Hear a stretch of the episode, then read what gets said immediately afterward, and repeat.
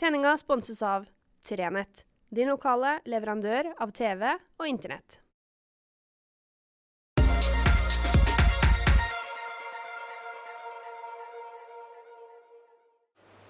Riktig god fredag. Denne uka ble litt sånn eh, det, det er litt sånn, sånn når du er, fem-seks år gammel og, og, og, og du har et berg av julegaver foran deg. For oss så er det å få mange nyheter det er spennende. og det, det blir sånn, Du får et adrenalinkick av at du må håndtere mange ting som skjer på en gang. Og denne uka ble, ble jammen det. Eh, for jammen har vi hatt litt å, å ta tak i denne uka i, i Framtid Nord. Det har vært mye som har skjedd bjørne, antagelige bjørneobservasjoner på, på Lennangshalvøya. Og, og, i det hele tatt, det har vært veldig mye. Men, men det som kanskje har rysta mest, er jo to ting. Det ene er bankkuttet, og det andre er ferge- og hurtigbåtkuttet. Og Hvis vi starter med det siste, så har jeg litt lyst til å kommentere på det. For jeg, jeg syns det, det, er merkelig at man for ei uke siden står på yttersida av Tromsø, ved Breinsholmene, og, og skryter av at man har fått på plass ei fergerute. Ei helårlig fergerute. Og det er bra. Den har man ønska. Næringslivet på yttersida har, har savna det. Turistmiljøet på Senja har savna det. Det er en god måte å bringe eh, turister fra Tromsø over til Senja, og vice versa. Så, så det er bra. Men det er ikke bra hvis vi ikke har penger til det. Og hvis konsekvensen av den helårsruta er at vi må kutte ruter overalt, da er det faktisk ikke verdt det. Da må vi hente penger andre plasser. Og det smaker veldig av at man ikke har råd til den ene ferga. Når man åpner fergeruta den ene dagen og sende ut et brev til alle kommunene om at vi tar en rundtur på alle samband. Og måten det gjøres på, syns jeg òg er ikke bra. Eh, for det her resulterer i at fergekommunene over hele Troms og Finnmark nå røyser bust mot hverandre. For plutselig så må kommunene ha den såkalte bevisbyrden for å fortelle fylkeskommunen at man har behov for sine ruter, og hvorfor man har det mer enn naboen. Vi kan altså risikere at han Ørjan Albrigtsen og Dan Håvard Johnsen blir sittende på regionrådsmøtene og krangle om hva som er viktigst av å kutte ei rute om dagen til Arnøya, eller å fjerne B-ferga på Lyngenfjorden. Det er en helt hold i hodet-diskusjon.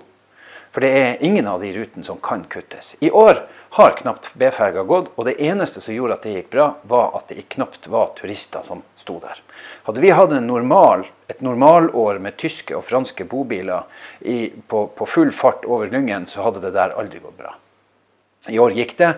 Neste år vet vi ikke med tanke på korona, men, men vi kan jo håpe og tro at turismen er på tur opp igjen. Og da har vi absolutt behov for ei B-ferge over Lyngen. Akkurat som vi har et et vanvittig behov for å ha alle de fergerutene som går på, på Arnøysambandet, ha dem. Det kan godt være at, at, man må flytte på noen turer, at man må justere om på noe for å få det litt mer tilrettelagt for næringslivet på Arnøya. Det, det kan godt være, men å kutte ruter, det har man ikke, det har man ikke råd til. Og Det er bare å se på de bildene som han, Håvard Høgstad tok. Samme dagen som rutekuttet kom, så sto det altså nærmere ti trailere igjen på Storstein og venter på å komme over. På ei ferge som er for lita, i et, i et samband som ikke går for mye. Der er ikke noe å kutte. Og Så kommer det altså illevarslende meldinger fra Kvænangen som sier at uh, man har fått brev om at man skal kutte den ene rundturen på Kvænangens-sambandet. Det er òg, med respekt å melde, hold i hodet. Der er, en, der er to turer i dag for dem som bor på Spildra, Valandhavn, Segelvik og i Reinfjord. Og hvis du skal ta fra dem ei rute, sånn at de står tilbake med ei, da begynner det å bli veldig lite igjen. Da risikerer vi å miste de her plassene. Det er selvfølgelig en politisk diskusjon om det skal bo folk på yttersida, men akkurat nå gjør det det. Og jeg mener at det skal få lov å gjøre det. Jeg mener at det har en verdi for Nord-Troms og for regionen vår at vi er bosatt sånn som vi er. Det er sunt og det er bra. Og vi kan dra veksler på det i nettopp den næringa som vi håper vi skal vokse mest på, nemlig turismen.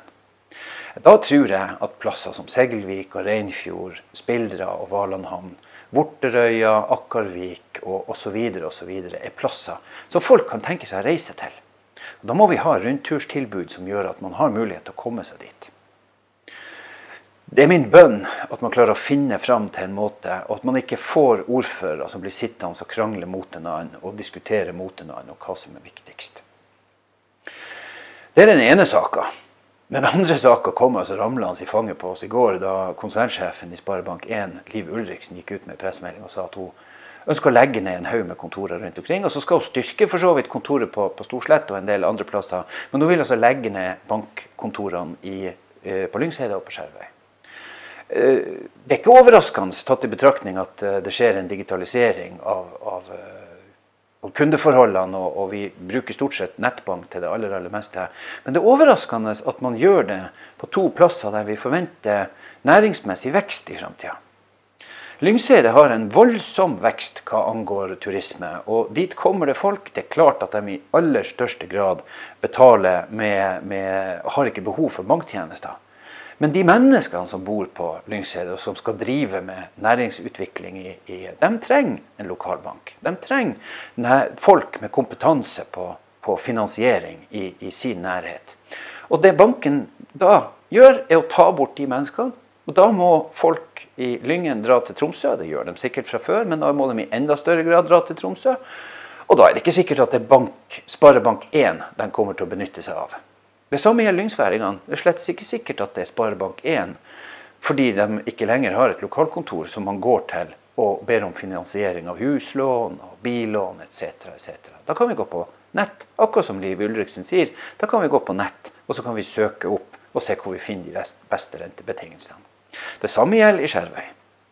Jeg tror at det er et dårlig signal til næringslivet i Skjervøy, som er på tur opp igjen etter en ganske tøff periode rundt år 2000 og, og det første, første tiåret av 2000 var det røft. Og vi har sett de siste årene at det har bølger. Og med korona har det jammen ikke blitt enklere. Men det har kommet en del næringsaktører. Og der er innenfor reiseliv noe på gang. Og når man da gjør akkurat det samme som jeg nevnte med Lyngen, nemlig at man legger ned kontoret, man tar bort kompetansen og man tar bort rådgiverne, så betyr det at uh, vi må til Tromsø og vi må til Alta for å få rådgivere. Eller vi må på telefon, selvfølgelig, og vi må ta det via nett. Og igjen, da trenger vi ikke nødvendigvis å benytte Sparebank1. Det er veldig bra at man vil satse på et miljø på Storslett. Det syns jeg er superbra.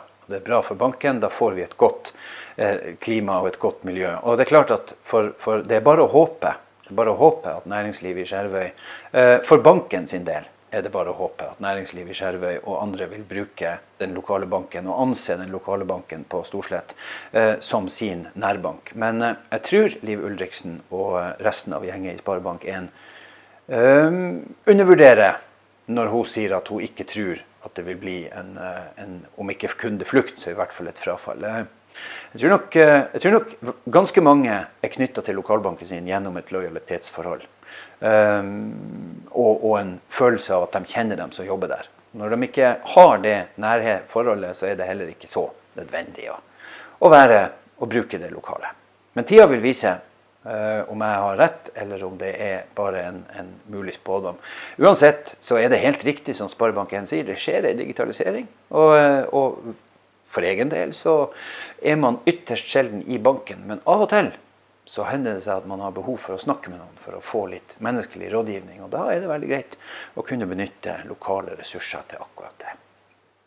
Det har i det hele tatt skjedd veldig mye. Og så er det da alle de andre tingene som foregår i form av at det er formannskapsmøter og vi har vært rundt og vi har hilst på, på folk som, som, som, dyrker grønnsaker. Og vi har skrevet om hun, Molly som mente at hun så en bjørn, som sagt. Altså det, det, har vært så mye artig. Og det som er gledelig for oss i, i Framtid Nord, er at etter at det har vært litt sånn det har vært en litt sånn treg start på, på høsten med, med, tanke på abonnement, så ser vi at, at dere finner tilbake til oss. Uh, og det syns vi er kjempekoselig. Og vi håper at vi klarer å skape mye. Vi har en kjempeutfordring i Framtid Nord om dagen.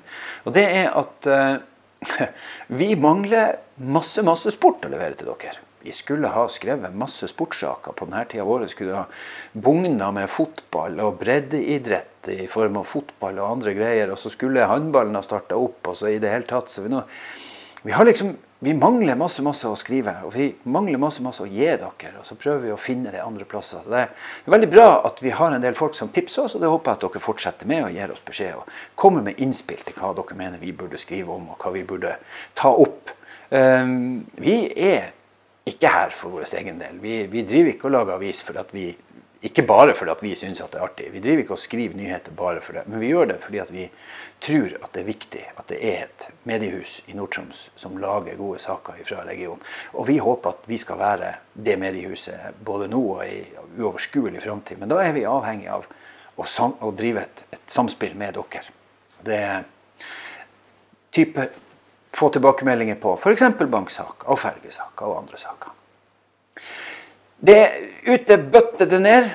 Uh, busken uh, blir stadig mindre grønn, mer gul, og etter hvert forsvinner også det gule. Det er skikkelig høst. Det er ikke noe tvil om at det er høst sånn som det er ute nå, med sørvestavindskuling og regn og farevarsel i forhold til at det skulle komme så mye regn. Så det, for mange er det helt sikkert uh, innevær. For noen er jo det her helt herlig å ut og på med regnklær og kjenne at man blir våt i ansiktet og frisk i kinnene. Vi, vi, vi, møter det her på ulikt vis. Jeg håper uansett at alle som skal ut, og særlig etter mørkets frembrudd, tar på seg refleks. Jeg begynner å høre stadig flere historier allerede om usynlige mennesker som er på tur fordi at de ikke er blitt vant til å ha refleksen hengende på, ut av lomma og på armer og bein, og hvor man kan ha refleks. Og I dag finnes det jo så mye bra i refleksutstyr. Jeg håper inderlig at dere tar vare på dere sjøl. At ikke eh, bilistene trenger å få noen svært kjipe overraskelser når man er ute på veiene. Så håper jeg at bilistene husker på at nå er det blitt mørkt. Og nå kan det være at det er noen folk uti der som dere ikke ser før eh, før det kommer. At man avpasser farten etter forholdene, som det er så pent heter. Ha nå ei eh, strålende helg, og så høres vi snart